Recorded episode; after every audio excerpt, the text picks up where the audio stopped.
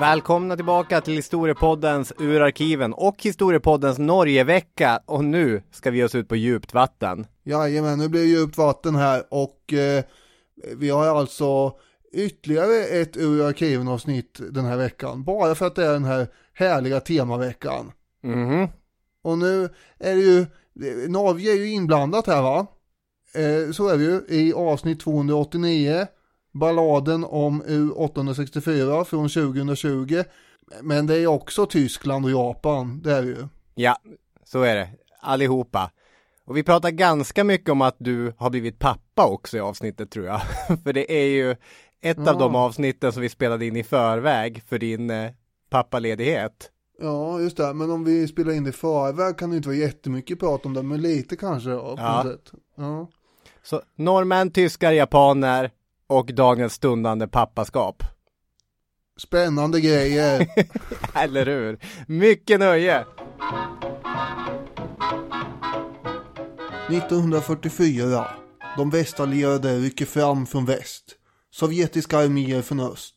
Bombräder dånar över städerna. Tyskland sitter som nöten i nötknäckaren. Trycket måste avhjälpas på något vis.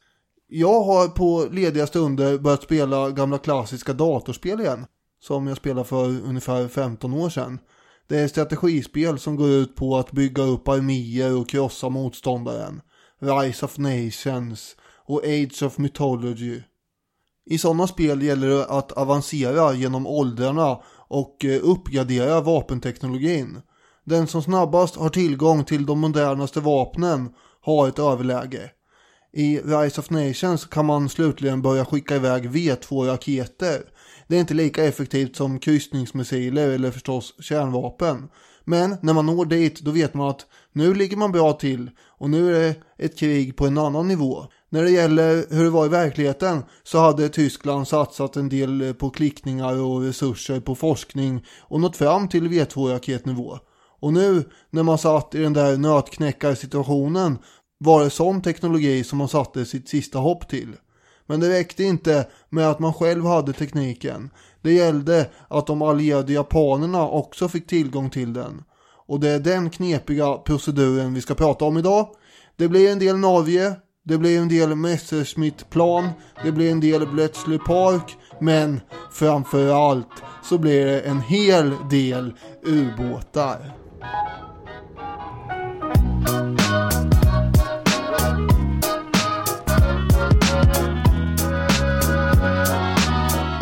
Ni är varmt välkomna till Historiepodden. Ja, I morse när jag började vakna till ja, och, och låg och drog mig lite grann innan jag klev upp eh, så tänkte jag undra om jag ska lägga en halvtimme, 40 minuter av dagen och klippa ihop en jingel där Daniel Hermansson säger nu blir det ubåtar.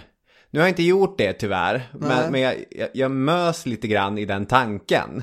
Finns det så många gånger jag sagt det? Vet Nej, framförallt har det nog skett live också. Ja, det har det nog ja. ja. Men nu får du prata ubåtar. Ja, nu blir det lite ubåtar här. Ja, En väldigt spännande episod.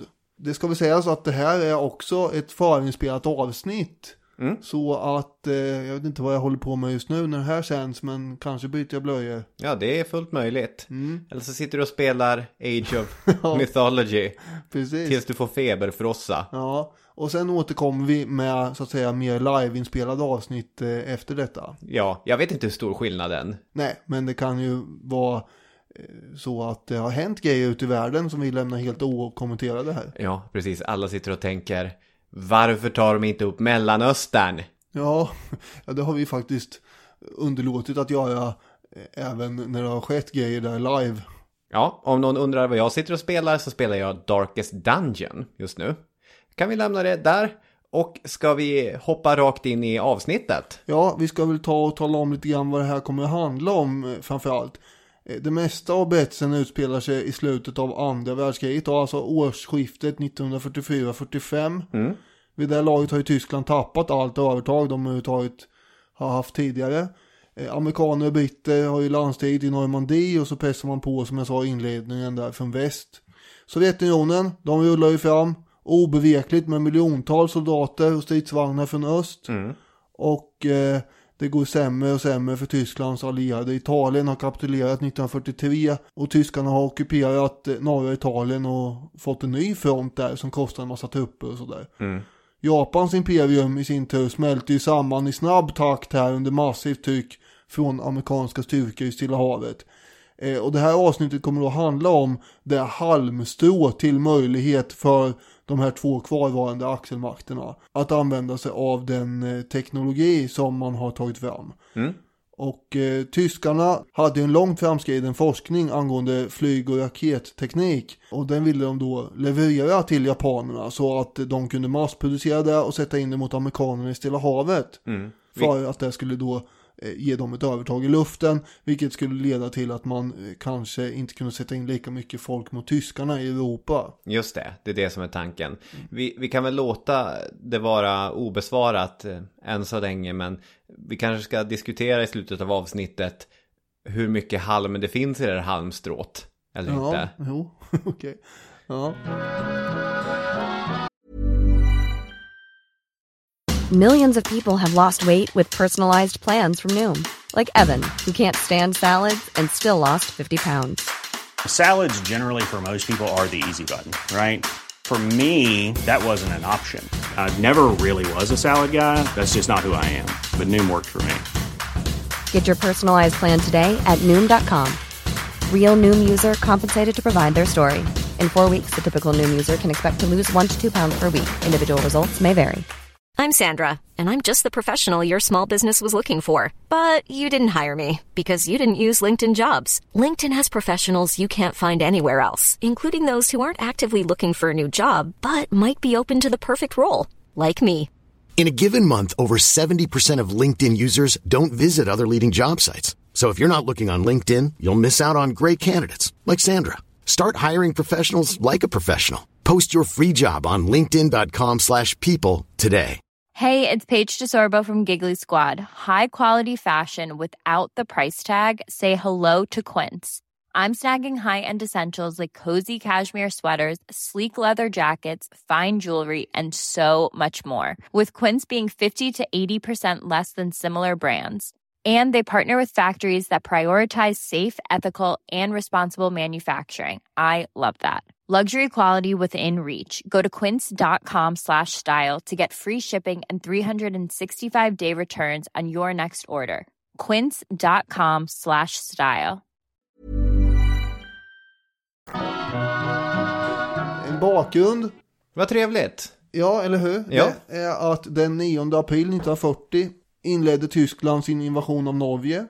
Syftet är ju onekligen att skydda eh, transporten av järnmalm från Kiruna som skeppas via Narvik.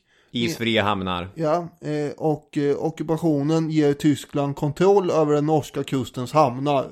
Det är relevant att ha med sig här. Det här gynnade också eh, de planer som rullar i huvudet på Karl Dönitz som var då chef över den tyska ubåtsflottan. Dönitz ville ju ha omkring 300 ubåtar tillgängliga där en tredjedel av de här skulle befinna sig ute på patrullering ständigt. En annan tredjedel skulle sättas in i särskilda insatsuppdrag och den sista tredjedelen måste befinna sig på ubåtsbaserna för att eh, upprustas och repareras och så vidare. Och för det här så krävdes en hel del hamnar där man kunde ha ubåtsbaser och Norges långa kust här är ju väldigt bra Verkligen. att ha då. Dessutom är det strategiskt läge i form av att det blir enklare tillträde till Nordsjön och så. Både Trondheim och Bergen blev väldigt viktiga hamnstäder eh, för Tysklands ubåtar. Eh, tyskarna är stolta över sin ubåtsflotta.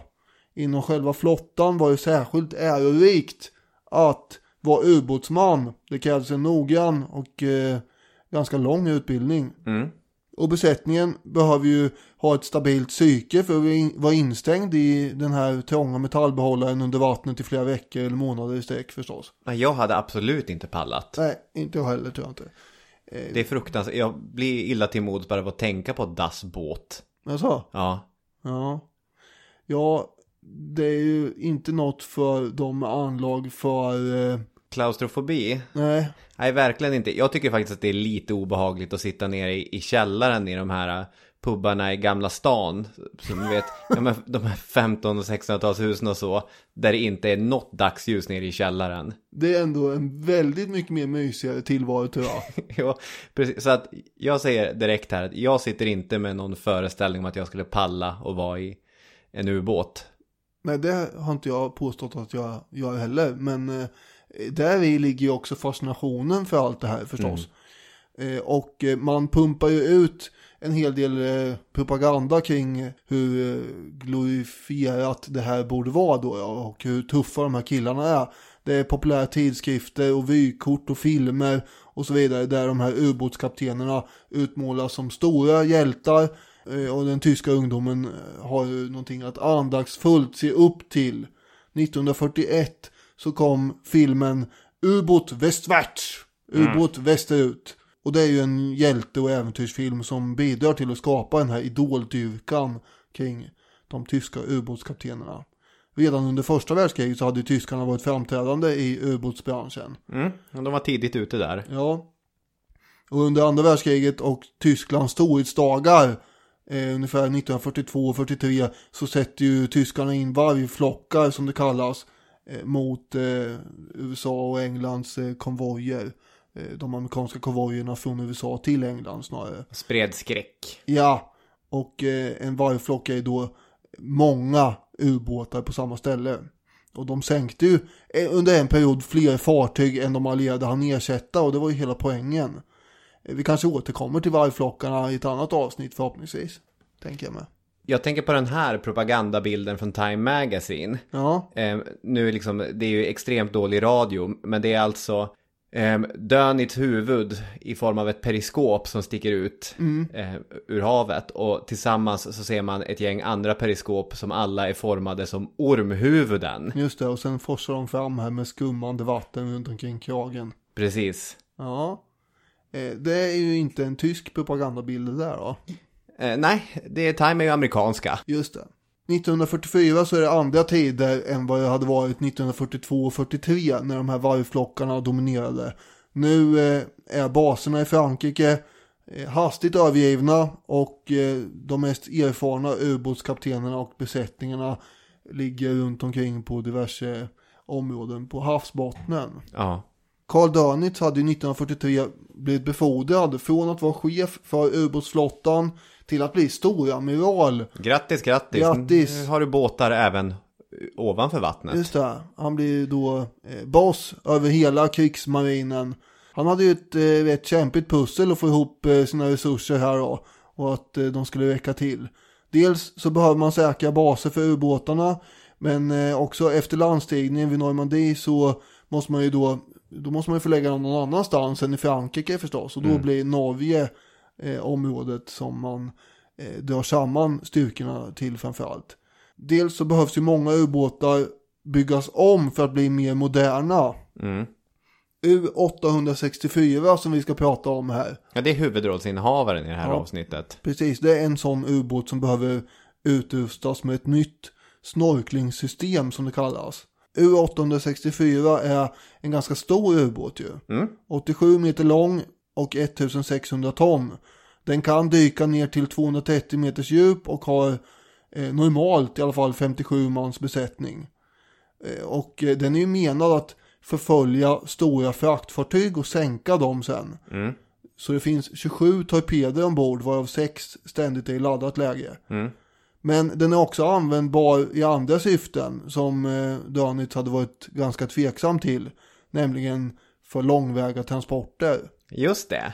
Då kan vi komma in på vilken typ av, av last det är som Dönitz kan tvingas packa in på sina vackra ubåtar.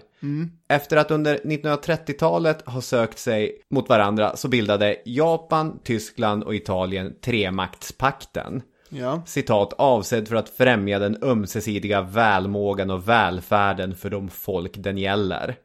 Andra världskriget har ju nästan den perfekta symmetrin i tre genomgående onda regimer. Vi har det kejserliga Japan, det fascistiska Italien och det nazistiska Tyskland som bad guys. Det är ju helt perfekt. Att vi sen då får Stalins Sovjet, Jim Crow-lagarnas USA och imperialist Storbritannien som de ensidigt goda krafterna i berättelsen kan för vissa människor smolka bägaren, men jag tycker snarare att det förhöjer narrativet. Ja, tre, tre skurkstater mot tre andra skurkstater. Eller? Nej men så, ingenting är lika svårt att tro på som en berättelse med bara onda och bara goda karaktärer. Här får man ju säga att eh, de allierade är komplexa Ja, så kan man väl kalla det. snarare. En del av det här avtalet mellan Tyskland, Japan och Italien handlade om teknologiskt samarbete mellan de olika staterna. Och i ett hemligt tilläggsprotokoll mellan Japan och Tyskland står det bland annat att nationerna åtar sig att då och då, utan uppskov, utväxla alla användbara uppfinningar och stridsordningar. Eller hjälpa varandra i ansträngningar att anskaffa såväl mineraler som maskiner för krigsindustri. Eller att Tyskland kommer att utnyttja sin industriella styrka och övriga tekniska och materiella resurser så långt det är möjligt till förmån för Japan. Det är ett bra deal för Japan det här. Ja, Det fanns alltså från bägge sidorna en verklig vilja till att bistå varandra på detta sätt. Och även såklart en logik bakom det. Japanerna kunde hjälpa tyskarna med gummi, olja och volfram Vilket var resurser som behövdes för krigsgärningen. Tyska bilar som behöver däck för bövelen. Tyskarna kunde, utöver sin överlägsna teknologi, bistå med bly och kvicksilver.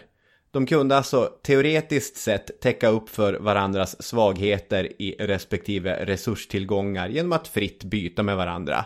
Nu är det så här, frihandel och att bara skicka saker fram och tillbaka under andra världskriget, det är inte helt enkelt. nej, Transsibiriska järnvägen är inte tillgänglig till exempel. Nej, precis. Jag skulle vilja läsa ett citat från Jerome Chrysler och Kenneth Sewells Jakten på ubåt 864. Ja, den är ju, kan man säga, en grundkälla vi har haft här i alla fall. Ja, verkligen. Det är, det är en bra bok. Eh, det är ganska långt det här, men jag tycker att det är talande. De resurser som stod till buds för utveckling av de hemliga vapnen var spridda och gömda över hela Tyskland. I skogarna utanför den sekelgamla staden Braunschweig arbetade tusen specialister på utveckling av ballistik och pansar vid Luftforschungsanstalt Hermann Göring.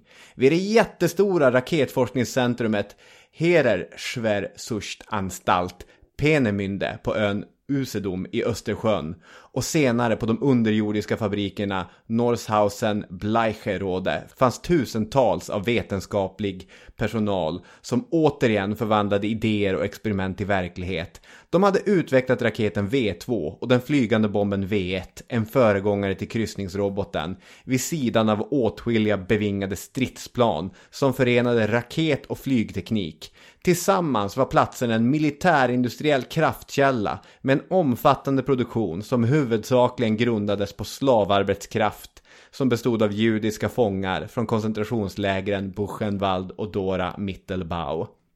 Jag tycker väl det fångar Tysklands militärindustriella kraft och påminner en lite grann om vad Nazityskland egentligen var för typ av stat. Ja, Problemet när det kommer till det här samarbetet med Japan, det är logistik. Från Tyskland så föredrog man att bara använda de delar av Sovjet man kontrollerade för att skicka iväg flygplan mot Asien. Men Japan hade ju sedan april 41 ett icke-angreppsavtal med Stalin och ville inte gärna hålla på och peta på den där ryska björnen. nej, Och, och hej, kommer ihåg oss? Hej, hej. Att samtidigt ha USA i Stilla havet och Sovjetunionen. Det är inte en jättebra position att vara i.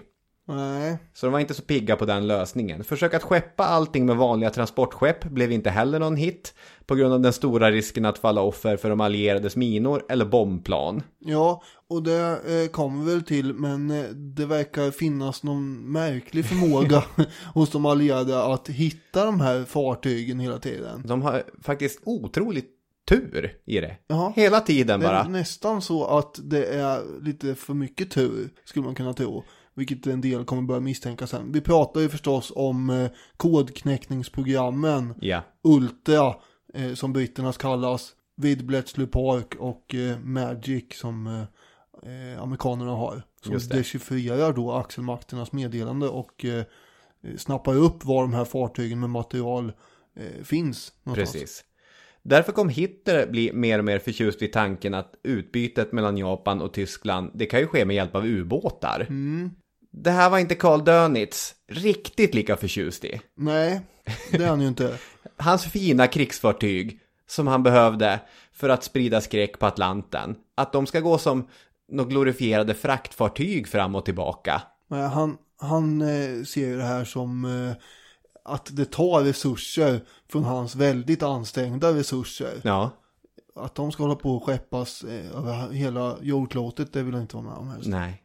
I juni 1942, det här är sommaren efter Pearl Harbor då, så satte Japan in en propagandastöt som försvårade Dönitz motstånd och en japansk ubåt dök upp i Lorient i ockuperade Frankrike full med glimmer som man använde till någon slags isolering och shellac som användes för pyroteknik.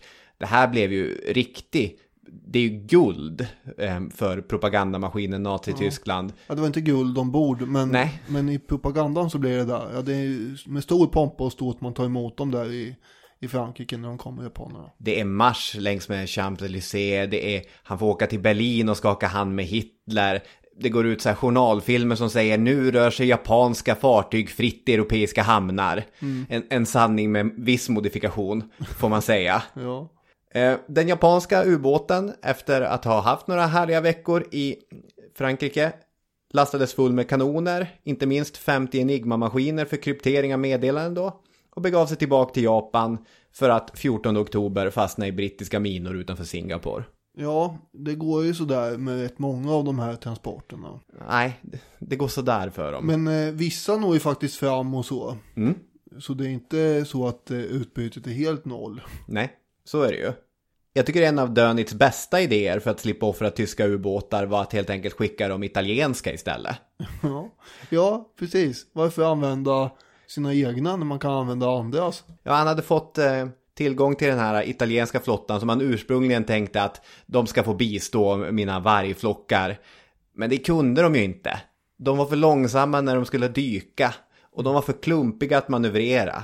Ja, de är ju byggda för att röra sig där längs med Medelhavet. Nej, men det kan de inte heller göra. De är för stora och för klumpiga för det där. Bygg om skiten och skicka dem till Japan. Ja, och det eh, lyckades han ju få igenom att göra också. Även om inte alla de kom fram. Jag tror att tio beställdes allt som, som allt, men det var absolut inte tio som blev ombyggda och, och gick fram och tillbaka. Nej, jag tror att det var totalt tre stycken som nådde fram till slutmålet.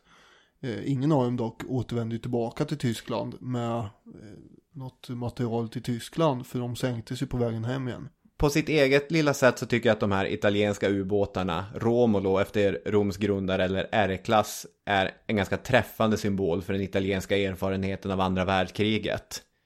Det blev ingen hit. Ja, fast det var ju där det blev. Ja, så är det, men i, i överförd På- mening. På dem.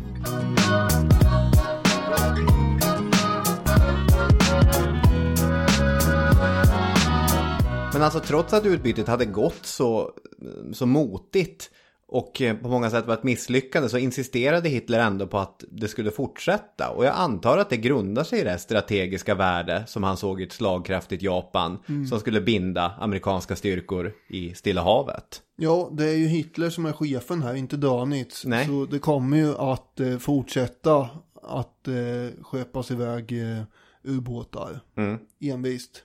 Passande nog blir ju Dönitz chef efter Hitler är borta. Ja, det är ju inte så långvarigt. Nej, det kan man inte Då var påstå. det inte aktuellt att skicka några ubåtar någonstans. Dönitz hade ju misstänkt också, han var en av de som misstänkte att det är, de har upptäckt någonting. Mm. Det är alldeles för ofta de eh, vet var, var de ska vara någonstans, de allierade. Det här har ni ju rätt i, förstås. Ja, så är det. Det här har vi avhandlat i ett eget avsnitt, avsnitt eh, 39, men också delvis i avsnitt 38, det här med Enigma och Bletchley Park. Ja, vi gjorde ett dubbelavsnitt, ett av våra tidiga, är det vårt första dubbelavsnitt överhuvudtaget? Ja, det kan det vara. eh, om andra världskrigets kodknäckare. I Polen hade vi till exempel Marianne Rejewski och Alan Turing och, och gänget som satt i Bletchley Park och, och knäckte tyskarnas koder. De hade ju en hel armé av personal på 9000 kodknäckare, kontorister, telegrafister och korsordslösare och allt vad det är. Eh, och Dönitz, han hade ju då länge oroat sig för att en Enigma var knäckt. Men eh, det var han ju tämligen ensam om att bekymra sig över. Ja, det är superintressant. Alltså redan 1941 när britterna hade sänkt det stora slagskeppet Bismarck så började Dönitz bekymrat rynka pannan och tänka att det var konstigt. Det här var besynnerligt. Det var besynnerligt. Verkligen. Alltså han upplevde som att britterna hela tiden hade en nästan oförklarlig röta med att dyka upp vid precis rätt tillfälle. Men alla de utredningar han beställde, ofta av Erhard Mertens, viceamiral för flottan, slutade ju med att man hittade andra förklaringar. Nej, nej, nej, britterna har den här nya radartekniken. Eller de har den här underrättelsen från franska motståndsrörelsen. Eller de har ett, ett idogt tedrickande som leder till att de har blivit experter på att spå framtiden i tebladen. Va? Var det en... Nej, såklart Jag inte. tänkte väl, man vet ju Det- aldrig. Två verkliga och en påhittad där. Ja, det är bra att vi klargör tror jag. Men så här, i efterhand så, det här är väl en av tyskarnas mest allvarliga misstag. Att de så eh, blint väger. på Enigma ja. Ja, precis. När krypteringsmaskinerna förbättrades 1940... Ja, förlåt. Du, alltså det här med eh, tebladsdrickande, jag menar de här korkskruvstänkarna i, eh, i England, de har tänkt ju ut allt möjligt. Vi har gjort ett annat avsnitt om den här eh, Operation Slarvsylta ju, när man skeppar i landet lik Mm. med papper. Eh, Det kan väl ha funnits en och annan som trodde att eh, vi, kan, vi kan sitta här och, och spå i, i teblad. Ja, det skulle ju... Okej, Så ja. att eh, det är inte så att jag är helt dum i huvudet här för att eh, man drog slutsatsen bland tyskarna att eh, det var fanns sådana försök. Nej, Man gjorde allt möjligt vill jag bara säga. britterna hade kanske kunnat pröva det. Men hade tyskarna trott att det hade varit en förklaring? Tyska spioner som anklagades för att vara för fyrkantiga. Nej, just det. Det är inte säkert att den här diskussionen är så hjälpsam, men, men det, det är viktigt att reda ut alla missförstånd. Vi släpper den från och med nu då. Krypteringsmaskinerna förbättras under 1943. Enigma får ett eh, till hjul, vilket eh, försvårar kodknäckningen och lite sådana grejer. Och helt plötsligt så, så vänder lyckan för tyskarna. Ja, det är märkligt att det sammanfaller med en uppdatering av Enigma-maskinen. Ja, jättekonstigt. Det här fick ju Danitz att eh, ännu mer tro att det var något eh, som hade med det att göra. Men han blev till slut övertygad av eh, den här eh, ledaren som du nämnde. Mertens. Mertens angående att det hade att göra med radar istället. Mm. För vintern 1943 så kommer återigen bombflygplanen och, och liknande att hitta de tyska skeppen. Det fanns ju nackdelar med systemet vid Bletchley-parken då. Eh, Och det är att det är tidskrävande. Jag menar först ska meddelandena snappas upp via radio och sen ska de skickas till Bletchley. Där ska de knäckas och sen ska de skickas vidare till aktuella militära chefer. Eh, För att sen eh, eventuellt eh, genomföra en reaktion på det då också som man har fått eh, information om. Eh, Och om det är bråttom, vilket hände, eh, så kan det vara för sent att göra något åt saken vad det nu gäller. Så är det. Särskilt gäller det här i slutet av kriget när tyskarna är stressade med allt de ska göra och det blir, det blir knepigt att hinna reagera på en eh, uppgift att nu, nu ska tyskarna göra det här. Oj, jaha, men vi, vi knäckte det här först nu fast vi fick det i, i förrgår. Så lång tid kanske inte tog, men ibland så handlar det om timmar här bara. Mm. Och det där är nog e- ett viktigt förtydligande också, att det är inte så att britterna har, har ett direktflöde då de ser i realtid vad Nej. tyskarna säger. Verkligen inte. Eh, Och i det här sammanhanget så kommer ju motståndsrörelserna på marken in i bilden. Eh, att- Och blir väldigt viktiga. Till exempel den norska motståndsrörelsen.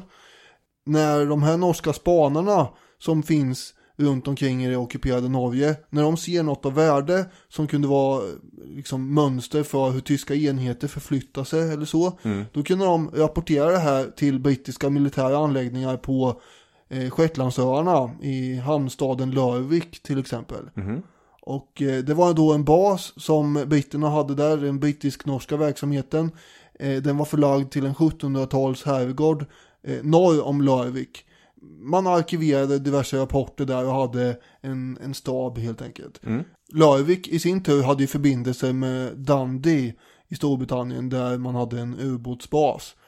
Och de här spanande norrmännen, de behöver ju ibland också försvinna snabbt ifrån Norge om de blir upptäckta som spioner där. Just det. Det är inte så kul att sitta i Norge längre.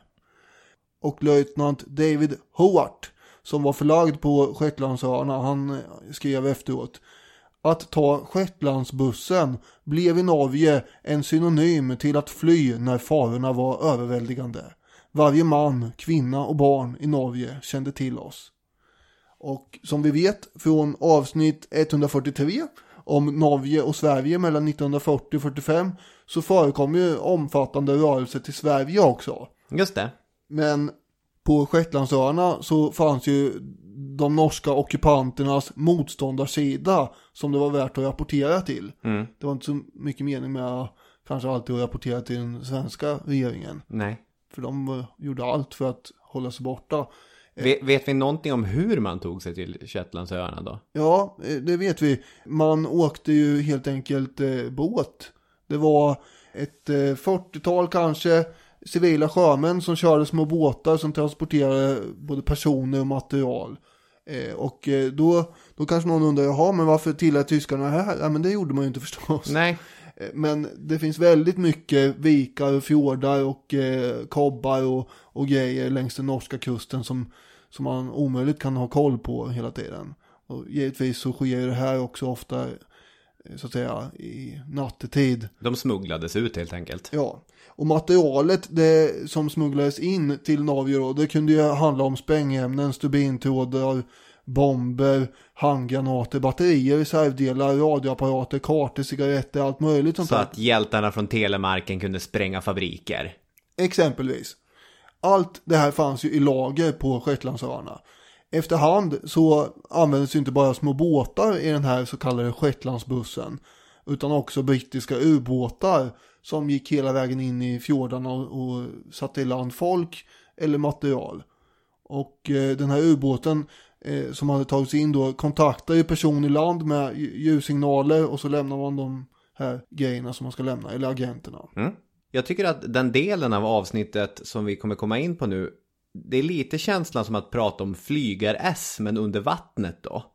Att vi ska presentera James Launders, den 24-årige kaptenen på HMS Venturer. Eh, Han är väl ett riktigt ubåts-S? Det får man ju säga. Ventura, då ja. Ja, Det är en ubåt av den så kallade V-klassen för den som är riktig eh, kalenderbitare. ja, Vampire-klassen. 63 meter lång, 545 ton. just det. Kan förvandla sig till en fladdermus om natten. Ja, det hade varit något. Mm. Den här Londers, han var ju omtyckt av besättningen och han var lugn och matematiker också får man ju säga. Matematiskt beräknande. Det tror jag man behövde vara. Rent bokstavligt var han faktiskt väldigt bra på matematik. Ja, Och det kommer spela inte så liten roll här i sammanhanget. nej.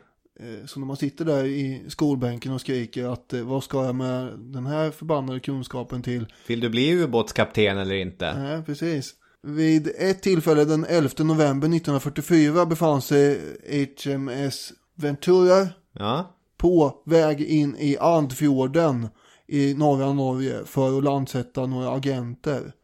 Då upptäcker utkiken en tysk ubåt på ett par kilometers håll. oj oj oj. Och det ska visa sig att det är U771 som har deltagit i en vargflock för att försöka komma åt en allierad konvoj med leveranser till Sovjetunionen. Anfallet eh, hade misslyckats för de här ubåtarna och sen hade de då eh, skingrats och U771 är nu på väg tillbaka hem till basen i Narvik. De har ju varit ute rätt länge då ja. Orakade och dana. Just det. Och vill eh, liksom väldigt gärna komma i land och sträcka på benen och få ta eh, ett glas och sådär. Lite frisk luft. Mm, och grejen är ju att när man är på väg hem så brukar ubåtskaptenerna vara lite mindre alerta, lite, lite mindre ha garden uppe. För att nu är vi snart eh, i land och hemma. Och när man får den här informationen om att den här ubåten är på väg då förbi, då eh, informerar man snabbt Londers och han sätter fart genom de här trånga korridorerna och rusar fram till kontrollrummet eh, och slänger väl en kik i eh, eh, periskopet. För grejen är att U771 ligger nu på ytan och åker medan eh, eh, Ventura ligger ju under havsytan. Och eh, i boken Jakten på U864 så står det så här. Londers kyliga, jämna sinneslugn under påfästningar hade ingett hans besättningsmän ett otroligt förtroende. Men många äldre karlar blev särskilt imponerade av ett annat av hans drag. Ett sinne för matematik som medförde en speciell, till och med genialisk förmåga att räkna ut skjutbanor och lägen för att avge eld. Launders tog omedelbart itu med beräkningarna och beordrade Chalmers att ta hand om ubåten och närma sig den tyska ubåten. Sex minuter gick det efter att U771 hade siktats av Launders och eh, hans ubåt eh, innan han gav order om eld. Fyra torpeder väser fram eh, i en hastighet på ungefär 40 knop och efter 90 sekunder från avfyrningen där så hör, hör besättningen på Venturer en dånande explosion. Vroom, bara skakar så här. Och sen följer det där gnisslande, skärande metalliska ljudet som uppstår när en ubåtsskrov skrynklas sönder. Mm. Och det är med skräckblandad förtjusning som ubåtsbesättningen på Venturer lyssnar på det här ljudet förstås.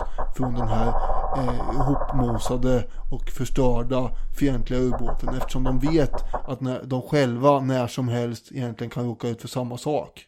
Superbra och rafflande berättat. Jag har två stycken eh, kommentarer. Ja, och jag har ett citat här sen. Okej, vill du köra citatet först? Ja, gärna. Priesler och Sivel skriver så här. När havsvattnet forsade in i ubåtens avdelningar och sköljde över männen i iskalla strömmar borde de flesta ha förlorat medvetandet omedelbart. Vid köldchock rasar hjärtats temperatur, sammandragningarna av dess kamrar upphör och offret omkommer redan innan det drunknar. Om reaktionen att chippa efter andan utlöses och lungorna fylls med vatten påskyndas döden avsevärt. Få, om ens några, av de 51 offren ombord på ubåten torde ha förstått vad som drabbade dem. Vad är dina spaningar? Nej, inte spaningar, bara så kommentarer. Första kommentaren är han var jätte, jätteduktig på, på matte och på att beräkna hur torpeder ska röra sig. Jag tycker det är lite slappt bruk av ordet genial. ja, men, det är en extrem kompetens. Men det är lite slappt att kalla det genialitet. Okej, ja. Den andra kommentaren är att jag tyckte det var jätteintressant det här med, med hur de här alla intervjuer och alla kommentarer om hur hemskt en ubåtsbesättning på ett sätt tycker det är att sänka en annan ubåt. För den här konstiga lojaliteten mellan grupper, även om det är att man står på, på olika sidor av en batalj. Och en konstig jämförelse man kan göra är den skam som fotbollsmålvakter ofta verkar känna när de av misstag gör mål. Tim Howard, den amerikanska före detta landslagsmålvakten, gjorde en gång mål med en, en lång spark som vinden tog tag i när Everton mötte Bolton. Och då stackars Adam Bogdan, Boltons målvakt, liksom flaxade där och var inte i närheten av den. Så efter matchen då så går Tim Howard eh, framför media och ska göra en intervju. Då det kommer massa så här journalister. Hur känns det? Är du nöjd? Är du glad? Och då ser han helt gravallvarlig ut. Och så svarar att vinden var hemsk hela dagen. And for our goal, I was disappointed. From a goalkeeper's union standpoint, you never want to see that happen. It's not nice, it's embarrassing. So I felt for Adam.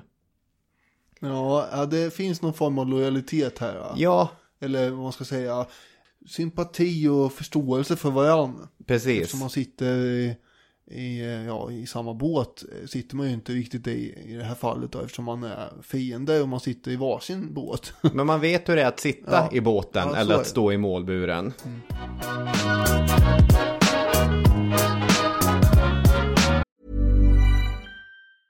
Hiring for your small business? If you're not looking for professionals on LinkedIn, you're looking in the wrong place. That's like looking for your car keys in a fish tank.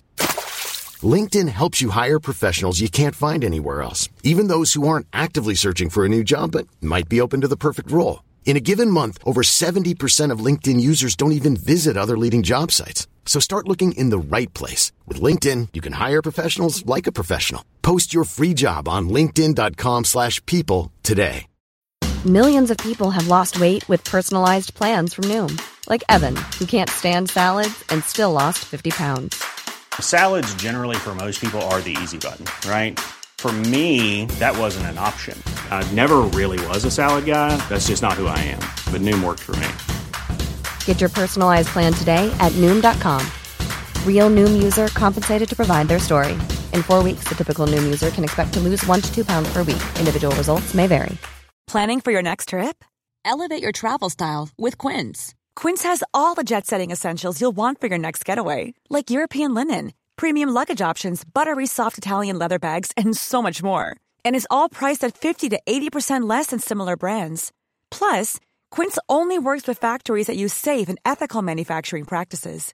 Pack your bags with high-quality essentials you'll be wearing for vacations to come with Quince. Go to quince.com slash pack for free shipping and 365-day returns.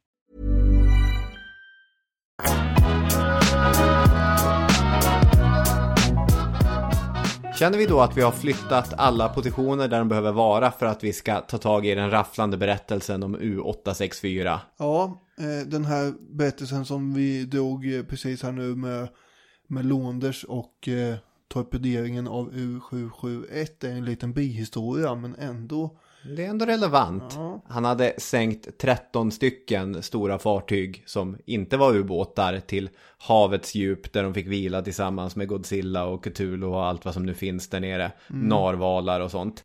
I december 1944 så börjar den här ubåten 864 lastas med material.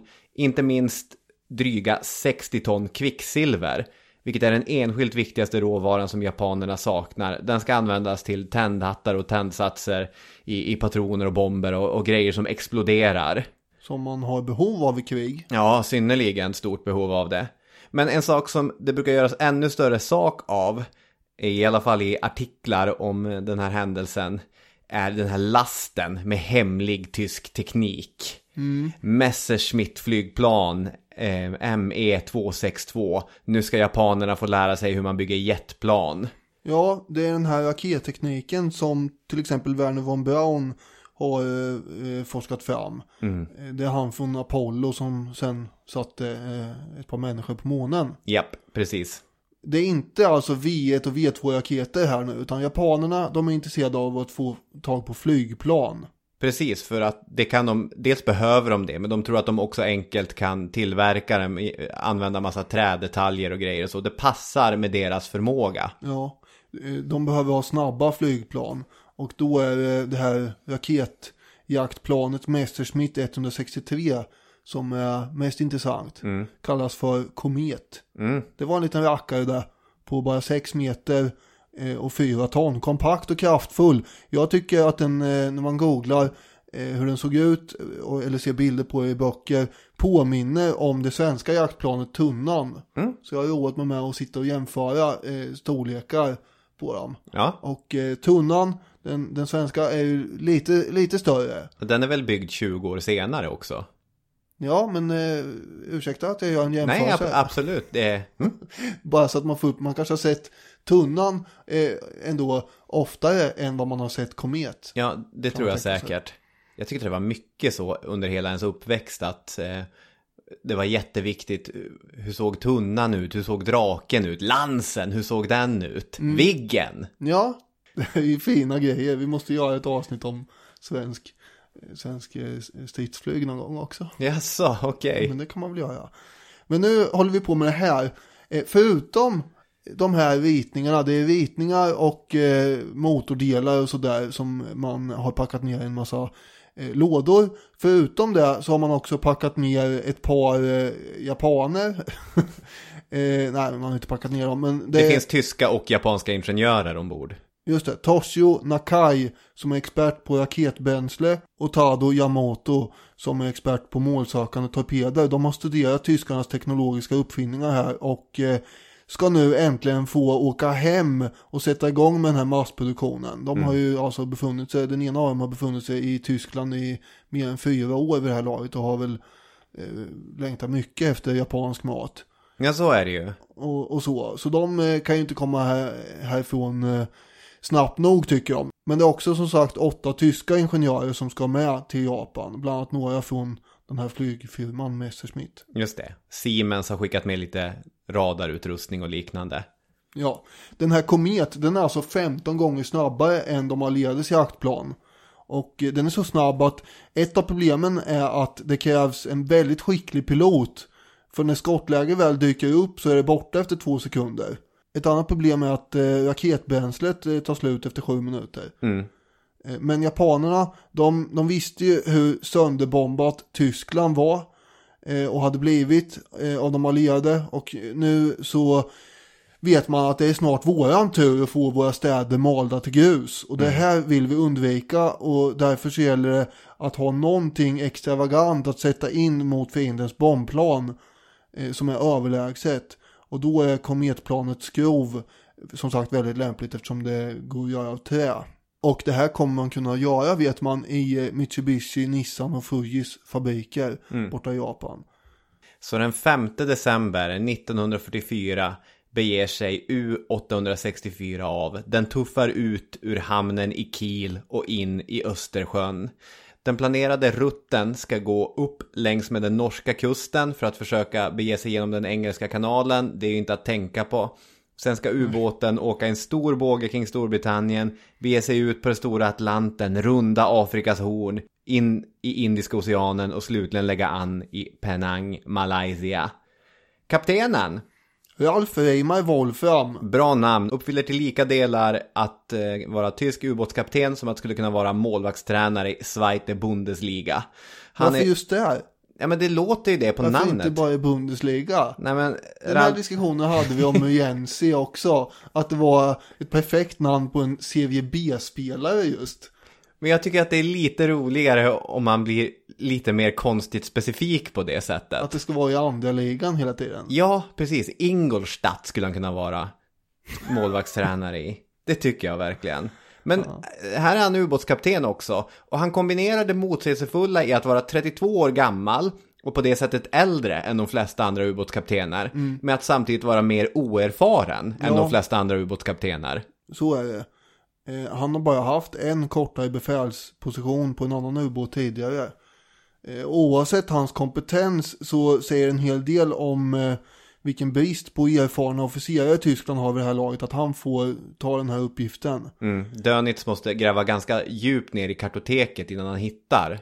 Någon som är eh, vid liv och duglig nog, eh, eller vad man ska säga. Precis. Båda axelmakterna har eh, stora förhoppningar som läggs på Rolf Reimar här nu. Under december så ägnar sig U864 åt att testa sitt nya snorklingssystem utanför Horten som ligger söder om Oslo. Det är alltså då dykningar och hastighetstester och sådär. Det här snorklingssystemet eh, går ju ut på alltså att man, man har eh, en snorkel ovanför vattenytan som gör att man tar in luft eh, så att man slipper gå upp i ytläge att göra, för att göra det. Mhm. Så att man tar in luft hela tiden? Ja, man håller på med det där i några timmar. Okej. Det är ungefär två gånger om dagen, tre timmar per gång som den här snorklingen pågår strax under ytan.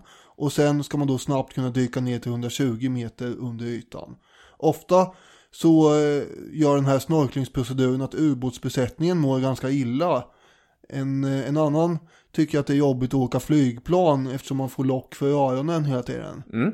Och eh, här gör ju då tryckvariationerna att det blir riktigt jobbigt lock. Mm. Du har ju flugit med mig, du vet ju att jag brukar gå och gnälla och nu hör jag ingenting. Jo tack. Ja, så, så är det med det. eh, de gör ett kort stopp i Kristianstad. Nej, det gör de inte alls. Vad oväntat ändå. När de är färdiga med de här övningarna så gör de ett eh, kort stopp i Kristiansand. Och eh, där så, inte Kristianstad alltså, utan Kristiansand. Där så eh, ger sig U864 iväg för sin resa mot Asien den 29 december. Nu ska man iväg. Så är det. Men ubåten kommer inte särskilt långt innan man noterar att det är något fel med den där snorkeln som man har testat eh, så himla länge. Wolfram får då order att åka till Farsund, som det heter istället för att åtgärda det här problemet. Och på väg dit så händer nästa missöde istället. Ubåten går på grund, antagligen på grund av att Wolfram har missbedömt inloppets djup till Farsund. Och det är för att han har ju inte åkt i de här farvattnen innan, han vet inte hur en fjord funkar. Eh, fjordar har ju ofta en eh, tröskel som är eh, grund vid mynningen och sen eh, då eh, igen eh, blir djupare. Mm. Och det har ju att göra med eh, inlandsisen och glaciärer och grejer som har eh, liksom karvat ut de här fjordarna. Mm. Eh, Det är egentligen bara stora dalar med en tröskel innan man kommer till eh, havet. Mm. Eh, Så här kör han Ta, då, ta geografiläraren sitt ansvar här. Ja, precis. Men där kör han då rakt in utan att veta egentligen att det, det funkar så. Och allt det här gör ju då att U864 behöver skickas för en ännu noggrannare kontroll av både snorkel och skrov till bergen. Just Så nu det. hamnar man där på eh, en eh, oplanerad visit. Precis, det finns en ubåtsbunker i Bergen som heter Bruno. Ja, just det. Och jag har ett citat här från eh, Priesler och eh, Sewell. Bruno var imponerande och dominerade strandlinjen och tyskarna kom snart att betrakta den som en ointaglig fästning. Bunkern var väldiga 130 meter lång och 140 meter bred. Dess tak var 6 meter av massiv betong och dess väggar mellan 1,8 meter och 3,7 meter tjocka beroende på vilken avdelning av komplexet de omslöt. Granitblock tillsammans med ett lager av sand och cement tillfördes för att stärka taket mot bombattacker.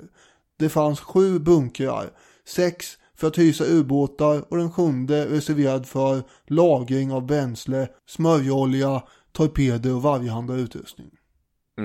Mm. Och Det är väldigt lämpligt att de har byggt så noga nu därför att när ubåten 864 beger sig mot Bergen då, alltså man har ju lite radiokontakt med det tyska krigskommandot och, och säger nu har vi, vi har stött på, vi har gått på grund här, ja nu får ni åka till Bergen och så sen får det där gå sin gilla gång, knapras i lite kodknäckarmaskiner och så och så sen så vet ju eh, britterna att nu kanske vi ska rikta lite energi mot den här bunkern Bruno i Bergen.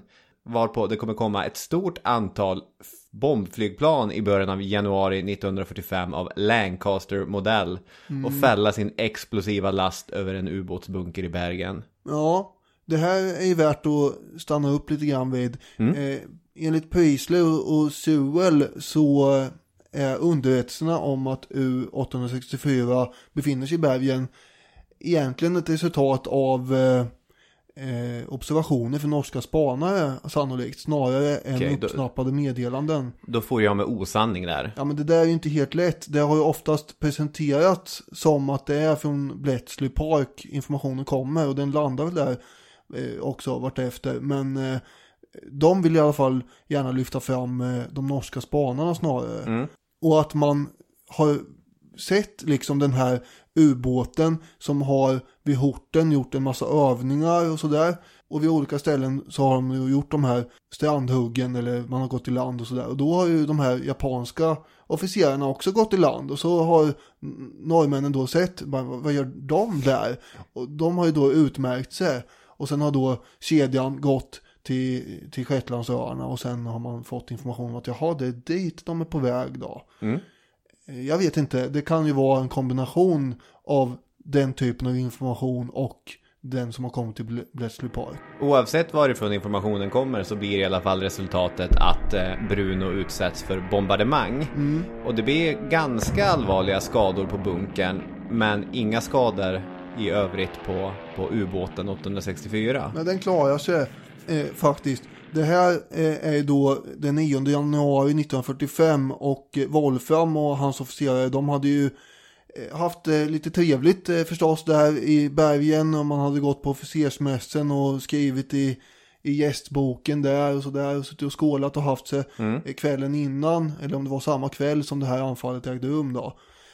En annan sak som är värt att säga är ju att tidigare under hösten så hade ju de allierade anfallit bergen och den här bunkern. Eh, och det anfallet hade varit väldigt massivt och slutat i eh, katastrof på det sättet att man eh, bombade helt besinningslöst och eh, Holenskolan som det heter eh, fick ju en hel del träffar varav 80 personer dog eh, och däribland 61 barn. Fruktansvärt. Totalt 193 offer under den här 11 minuter långa räden. Så att man hade skruvat lite grann på hur man skulle gå tillväga och man fick eh, cirkulera över målet som man skulle släppa bomberna över nu för att vara säker på att man skulle träffa rätt. Mm.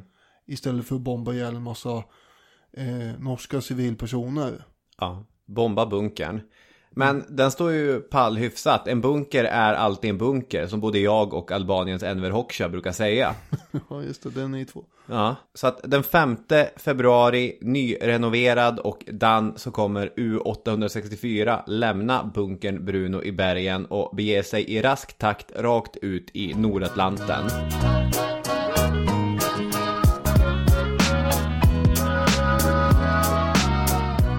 Ubåten ska ju åka norr om Shetlandsöarna, Mm. förbi Irlands kust och söderut sen som sagt. Men den här tyska ubåten, det känns som att den har någon slags förbannelse över Ja, sig. det gör nästan det, för att det händer ju grejer hela tiden och det kan ju inte gärna vara Wolframs fel allting. När, när han gick på grund, det kan vi lite grann lägga ja, på honom. det kan vi ju. Men nu slocknar ena motorn. Ja, det börjar bli problem med dieselmotorerna efter en dags färd här ute. Och med tanke på hans uppdrag hur långt de ska åka så är inte det helt idealiskt. Nej. Så han får ju order om att vända om för ännu mer reparationer. Här kan man ju tänka sig hur japanerna Nakai och Yamamoto reagerar. Bara, Nej, inte igen! Du brukar ha resfeber. Ja, så är det ju. Det är ju, jag tycker det är nervöst inför en resa. Du tar ju inte saker och ting jättebra när det krånglar. Nej, så är det. Det är skönt när det fungerar. Ja, Sen vill man gärna vara där i tid också. ja, de tyckte nog också att det här var lite jobbigt att det skulle behöva återvändas nu till bergen. Mm. I den här vevan så har ju då också Jimmy Launders på HMS Venturer fått ett meddelande från Dundee när han är ute på ett annat patrulleringsuppdrag. Mm. Och den orden eh, går ju ut på att man ska bege sig till utloppet från bergen och vaka på utkommande ubåt. Ja. Och vi ska komma ihåg här att ingen information delades alls med någon på ubåten om vad det var för ubåt de skulle vaka på eller vad den hade ombord eller någonting. Utan de visste ju bara att vi ska till bergen. Och spana efter ubåtar. Ja. Men U864 hade ju uppenbarligen hunnit ta sig förbi Venturer utan att bli upptäckt. Nu har han lärt sig hur det funkar det här med fjordar och så. Vart man kan dyka, vart det är djupt. Ja, eh, så eh, det är den 9 februari som Venturer alltjämt ligger och spanar när man noterar ett mystiskt brummande ljud. Och det är nu då när, när U864 är på väg tillbaka i, istället. Precis, precis. Man visste ju det att eftersom det är en annan ubåt vi letar efter så kan vi inte hålla på med vår sonar. Att skicka iväg de här äh, ljudsignalerna, pinga eh, efter ubåten. Utan man hade istället sina hydrofoner, hydrovatten, fån, ljud eller röst. Just det. Som uppfattar ljud som rör sig under vattenytan. Man lyssnar bara alltså passivt istället för att skicka ut en impuls. Precis, mindre precis system än vad sonaren hade varit, men det var vad de hade att gå på. Och så helt plötsligt så hör man någonting. Vad kan det vara? Ja, vad kan det vara? 09.23 så hörs tydliga och kraftiga motorljud i Ventures hydrofoner. Som En fisketrålare kanske? Ja, det kan det vara.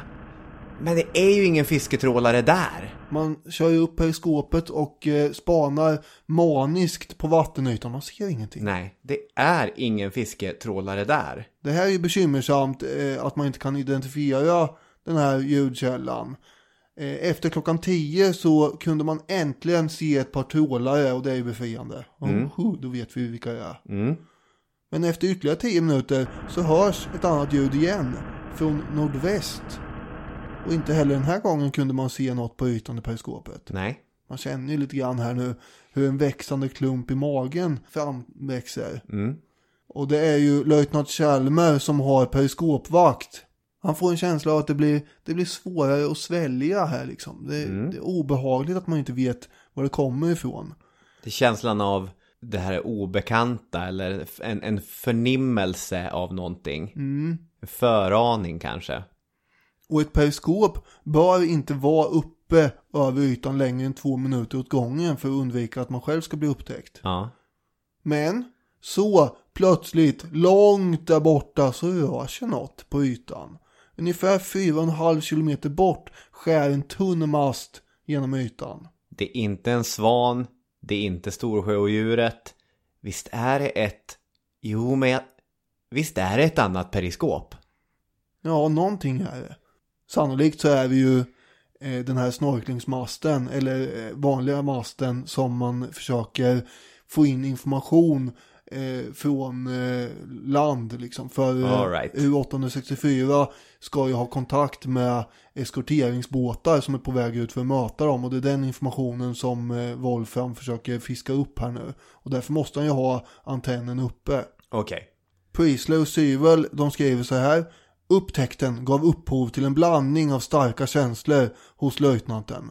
Hans lättnad över att finna källan till de misstänkta mystiska ljuden och det byte som Lörvik uppenbarligen hade dirigerat dem för att finna. Som snabbt följdes av obehag. Det var en reaktion som inom kort spred sig när Chalmers i telefon rapporterade till löjtnant Launders om sin upptäckt och sedan omedelbart beordrade besättningen till deras stridsstationer. Det fanns inga andra allierade ubåtar i området. Fartyget under vattnet måste vara en tysk ubåt. Mm. Nu börjar ju verkligen en intrikat katt och råtta-lek här. Inte minst eftersom man bara är katt så länge som råttan inte vet att det finns en katt där. Sekunderna som den tyska ubåten blir varse om den brittiska så förvandlas det till en katt och kattlek. Så alternativt en råtta och råtta-lek. Därför följer till en början de engelska sjömännen den tyska ubåten försiktigt i en parallell kurs. De tänker att kanske, kanske kommer den tyska ubåten att stiga upp till ytan. Det vore ju perfekt. Det är det man hoppas på här för att kunna avfyra torpeder mot säkert mål. Det har vi gjort tidigare. Det kan kaptenen, han kan matten, det är bara att återanvända samma formler. Just det, för det är ju samma kapten som eh, besköt U771. I 30 minuter följer de efter den tyska ubåten. När de börjar se ett mönster i dess rörelser. Hon verkar röra sig, visst rör hon sig i ett zigzagmönster? Ja, Wolfram har ju förmodligen börjat ana att han är förföljd. Allierade ubåtar brukar ligga utanför inlopp till ubåtsbaser där eh, hemkommande fartyg är på väg. Och därför börjar han åka zigzag med den här 1600 ton tunga ubåten för att göra sig själv till ett så svårt mål som möjligt. Just det, det ska vara som att skicka en torped på, eh, på Anja Persson när hon flyger ner för backarna. Ja, inte riktigt för att hon rör sig snabbare. men, men tanken är att, att eh, det ska vara svårare att träffa. Sen är det så här med att Anja Persson, om hon inte hade åkt zigzag utan bara rakt ner så hade det gått snabbare än om hon hade åkt zigzag. Ja, det är sant. Så, så han gör ju den här avvägningen. Vad går snabbast och vad är svårast att träffa? Jag träffar en ubåt som åker helt rakt. Den matten kanske jag skulle våga ge mig på. Ja. Nu skjuter vi en rät linje här.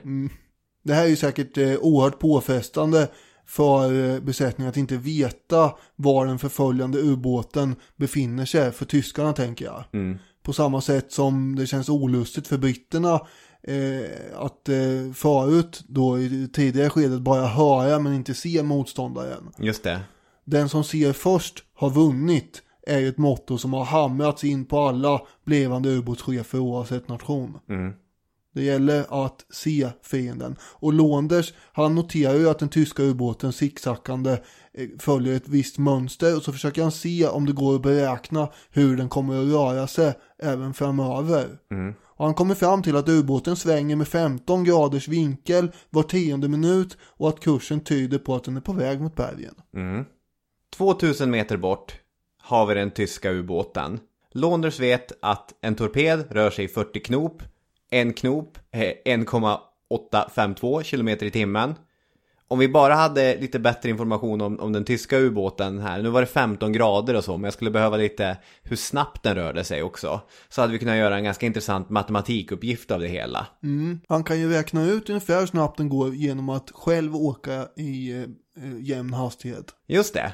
Själva grejen som vi håller på att bygga upp mot här är att det är väldigt, väldigt, väldigt ovanligt att ubåtar under ytan ska hålla på och skjuta eller ännu hellre träffa varandra. Det här är så ovanligt att i den kända historien vet vi att det har aldrig hänt före det här. Nej, Och vi vet också att det aldrig har hänt efter det här. nej. Frågan är om det händer den här gången. Va? Ja, Vi måste ju... håll oss inte på nålar längre. Londers räknar ju med att den tyska ubåtskaptenen kommer att väja bort från torpederna och dyka när eh, torpederna väl är avlossade. Och baserade på det antagandet och det tidigare mönstret i zigzackandet så eh, kommer han att avfyra sina torpeder. Förföljandet har ju pågått i över två timmar när Londers klockan 12 minuter över 12 ger order om eld. Med precis lika lugn och behärskad röst som vanligt. Mm. För han är alltid lugn. Mm. Med 17 och en halv sekunders mellanrum avfyrar sen då HMS Venturer eh, fyra torpeder. Och det här är intressant också för att det påminner ju på ett sätt om en duell på den gamla goda tiden då det tog extremt lång tid att ladda om pistolen. Så att om du missar ditt skott så är du ett, ett ganska eländig måltavla för motståndaren. Så att efter de här fyra torpederna åkt iväg då har inte eh, Venturer någon chans att, att ladda om. Nej, då gäller det att dra fort som tusan för då är det du som är råttan helt plötsligt. Ja, precis. På U864 hör man nu den första torpeden susa förbi i ungefär 40 knops fart. Nästan omedelbart gör ju U864 en tvärdykning åt styrbord. Brant och snabbt neråt för att komma undan torpederna. Den andra torpeden svischar förbi. Man kan tänka sig hur japanska och tyska ingenjörer förskräckt håller andan där inne bara. Den tredje torpeden forsar förbi. Den fjärde torpeden bränner in med total fullträff. Mitt i U864. Jag känner mig helt uppjagad här nu. Jag märker det. Lånders beräkningar har ju klaffat. Ja, det har det. Mitt i prick. Fy fasen att vara på den där ubåten när man blir beskjuten. Ja, det, det måste vara fruktansvärt påfrestande. Men i och med att de blir träffade så tror jag inte att våndan är så långvarig sen. verkligen inte. Priesler och Sewell skriver Besättningen på HMS Venturer uppfattade bara det skarpa dundret av explosionen under vattnet och sedan det hemska knastrandet när ubåten sprängdes sönder. Vattnet rusade så snabbt in i det sprängda hålet att hennes översvämmade mittsektion omedelbart blev avsevärt tyngre än fören och aktern, vilket skapade påfrestningar som bröt sönder ubåten i tre delar nästan i samma ögonblick som den träffades. Plummer, en brittisk ubåtsman i Venturer, som lyssnade mer än halvannan kilometer bort jämförde det han hörde med någon som krossar en tändsticksask i handen med knytnäven.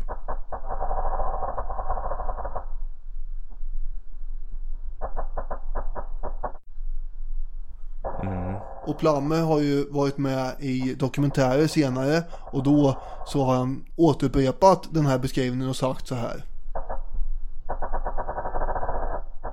If you can imagine a box of matches being squeezed into a hand and cracking up, that is a, a sound of a, another ship going down.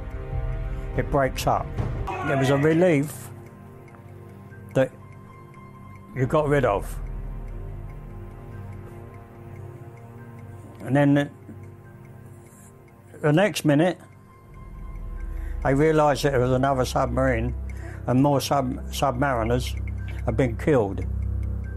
Do we recognise another submariner? Doesn't matter where he come from. We take our hats off to him. They were all in the same boats as us.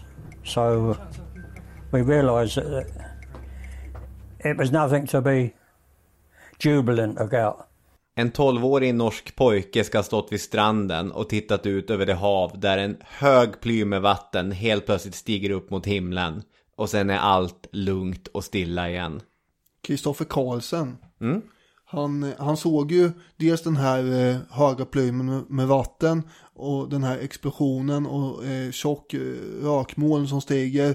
Och sen såg han någon lång kontur av något på ytan. Och här tänker jag mig hur det liknar en späckhuggare som smeker ytan så att den krusar sig och sen försvinner ner i djupet. Det vanliga jublet av lättnad har ju först förstås brutit ut ombord på Venturer. Men ganska snabbt så blir det sen tyst och en annan mer dämpad stämning uppstår säger Harry Plummer. Precis som när man hade sänkt U771.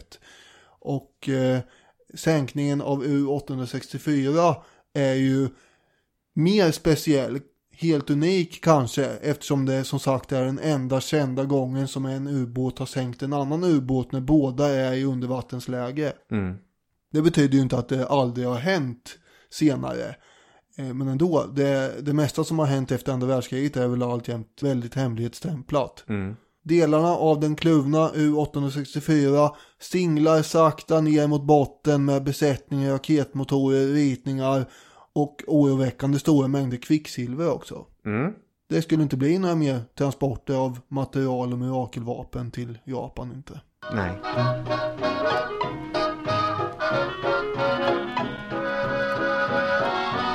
I en artikel i tidningens Världens historia och när jag har läst andra så här kortare artiklar på internet då presenteras det här alltid utifrån den här frågan. Det här är Hitlers sista halmstrå. Det är Hitlers sista plan. Han har ett S i rockärmen.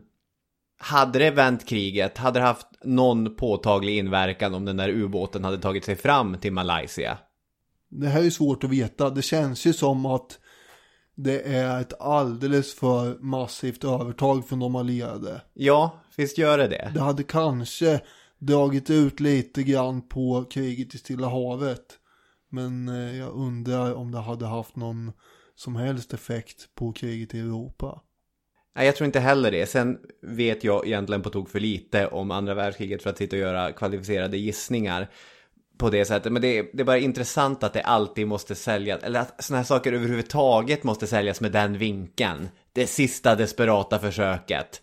Stod allting och vägde där utanför Bergen en februari morgon 1945. Nej, det tror inte jag att det gjorde.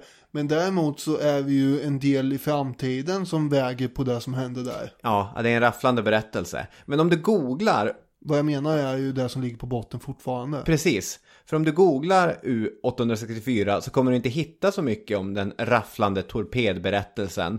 Utan du kommer få en massa artiklar som handlar om en potentiell miljökatastrof. Mm. 2003 så hittade den norska flottan vraket eh, av den tyska ubåten.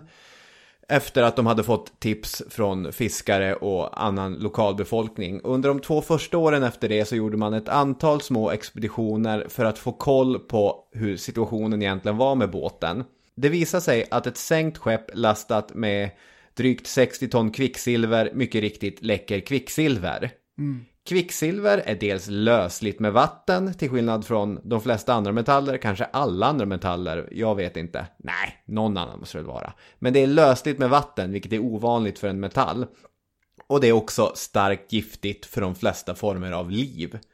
Ur vraket läcker idag cirka 4 kilo kvicksilver ut årligen. Och det är vattenlevande liv, torsk, krabba, annat som rör sig där omkring visar på starkt förhöjda eh, nivåer av kvicksilver.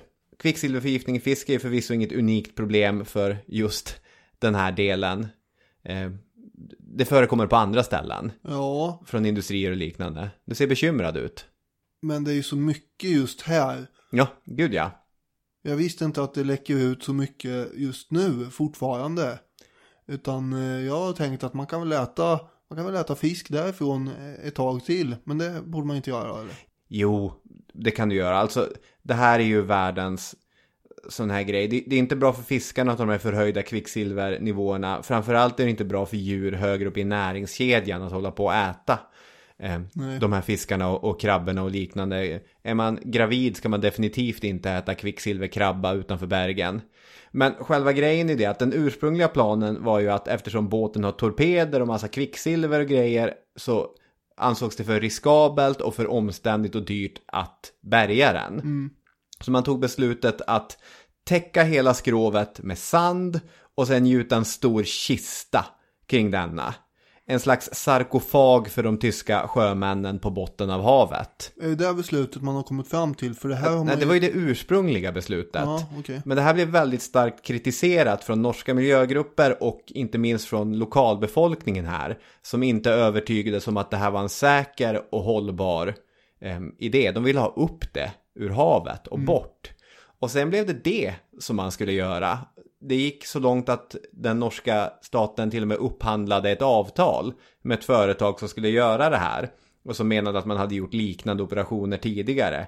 Men i klassisk nordisk politiker-move känns dyrt och riskabelt så har man börjat beställa ytterligare utredningar istället. Jaha.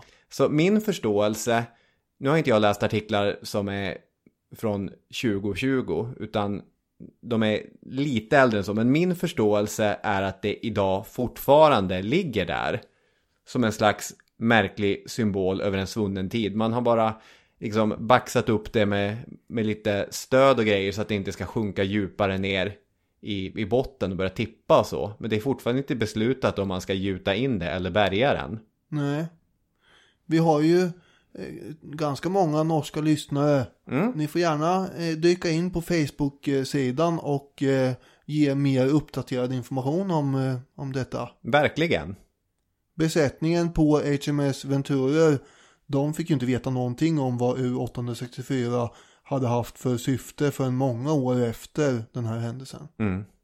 Men nu har ni fått veta rätt mycket om eh, vad som hände och hur planerna såg ut och hur det gick och så. Mm. Och nu fick vi in ett avsnitt om andra världskriget och ubåtar. Ja, det är ju perfekt. Ja, det, det bockar av många intresseområden som säkert många lyssnare har. Bland annat jag och eh, det kommer att bli fler i ämnet en vacker dag givetvis. Absolut. Hörni, tack så hemskt mycket för att ni har lyssnat. Ha det riktigt gött nu. Ha det så bra. Hej! hej, hej.